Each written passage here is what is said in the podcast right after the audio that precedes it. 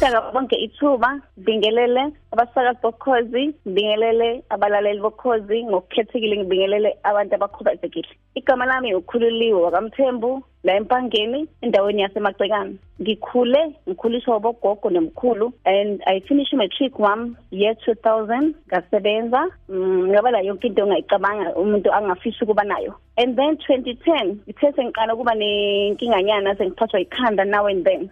But the into yami iqale 2008 lana udoctor bekangitshela ukuthi angeke ngikhona ukwenza ucode 10 kumele ngenze ucode 8 due to into yami ukuthi isight yami ayikho kahle at the back of amehlo wami ngine eye infection. And then 2010 ngaba nalento ukuthi sesiqalile ke ukuphashwa ikhanda now and then uma ngabe senza shopping with mama bethe ikwenza ngala kwakulekushisa ilanga and kwangathi into engiqophayo um i couldn't see ukuthi kwenzakala ini. Um after that few minutes sahamba noma the next day I had ukuthi ngiye esibhedlela bangicheck ukuthi kwenzakala ini emehlweni wami. Um lapho ke babe sebethola ukuthi nginamanzi ekhanda mangibhomba amanzi. Right after ngibhontshiwa amanzi i think kuba nomthelela lokho futhi nakho.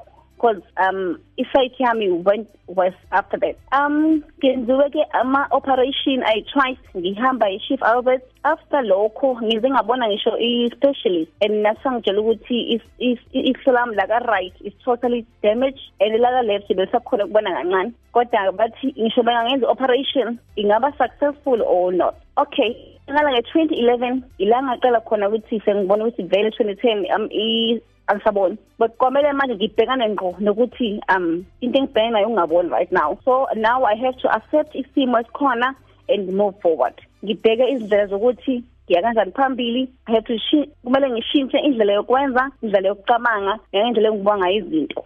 As much as ngathi ngiluze isight kodwa ngayijona into eyi-one ukuthi angiyiluza ngevision enganginayo vele nganginayo into ukuthi ngiyafuna ukuqhubeka nokufunda. What happened ngo-2011 ngadibana nabantu abakhubazekile. Mangidibana nabo ilanga khula khona mhlambi nami ngakwazi ukuthi ngibe strong. And kwaphoqa ukuthi kwanami ngokwami kumele ngibe strong for ifamily yami and abantwana. Um and umuntu okhubazekile ngafunda ukuthi kumele ngenze respect ukuze abantu bakhona ukuthi bangi-respect nami. Ngakhona ukuthi ngizithande abantu kuba bakwazi ukuthi bangithande. And then 2014 ngaba nehlahlo ukuthi ngithola i-learnership emhla Tuesday kamasipala ngasebenza khona kwa-labor relations as interpreter. And 2015 I went to a college ngenza i-public management ngayiqeda ngamele kwamele ngiserve for 18 months as a switchboard operator esibhedlela. Kwathi 20 in, in the meantime ngisebenza ngangibhizi eqaleni ngifunda i-project management because nganginento yokuthi ngifuna ukuqala i-NPO yami. And then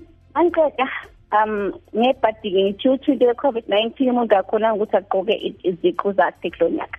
Okay. Mhlambe ke into eyenzakalile kubonke but ngiyambonga uNkulunkulu ukuthi ube nami yonke indlela. And uNkulunkulu wenzile ukuthi ngibe strong ngale ndlela ye strong ngakhona right now. Kuningi esengikwenzile mhlambe ngeke ngize kumention la. Kuningi kakhulu. Um engingakusho mhlambe kubantu abakhubazekile because 99% abantu abakhubazekile bakuthole ngendlela. Um umuntu okhubazekile into yokuqala kumele accept isimo osubhekane naso njengamanje ukuthi ukhubazekile. Shintsha indlela yokwenza uzithande before uthandwe ngabantu uzihloniphe before uhlonishwe ngabantu. And siyeke le yethu yokuthina masikhubazekile siyathanda ukutefa and siyathanda futhi ukuthi sihlale emakhaya. Izinto azizukuzizela emakhaya kumele sisukume senze something nathi uNkulunkulu siphile umqondo ukuthi siwusebenzise ngendlela efanele. Umphakathi bese nizo ifamily yethu. If ama families wethu into esifisayo yenzeka ama families wethu ukuthi ifamily yethu isupport is-advise la ingasikhona khona ukuthi ikwenze kanjalo. And umphakathi esikuwona umphakathi unalento yokuthi uzibuke wona ubuke thina as ngendlela abazibuka bona. That is why usho ukuthi babona thina sibantu abakhubazekile ukuthi angeke sikhona ukuba ngabantwana angeke sikhona ukushada angeke ukhona ukusebenza angeke ukhona ngisho ukufunda. Ayikho nje into wena ungakhona ukuyenza because umuntu ubuka yena ukuthi yo mina mangase ngibe lesi simo akukhonto engakhona ukuthi ngiyenze angisho sizama kosemandleni ukuthi umphakathi wakithi ushintshe indlela yokucabanga. And asifisi umphakathi wethu uthathe advantage of isimo and engingakusho nje bamphakathi kubonke umuntu ukuthi njengamanje isikhathi ukuthi asisukume senze izinto zenzeke. Uma mina ngokhululiwe ngikwazile ukuthi ngasukuma ngakhohlwa ukuthi ubeke ukhulu ukhulu okwazi ukubona wenza ini nani nani. Kodwa ngasukuma ngavuka ngayithatha ngafunda and ngasebenza.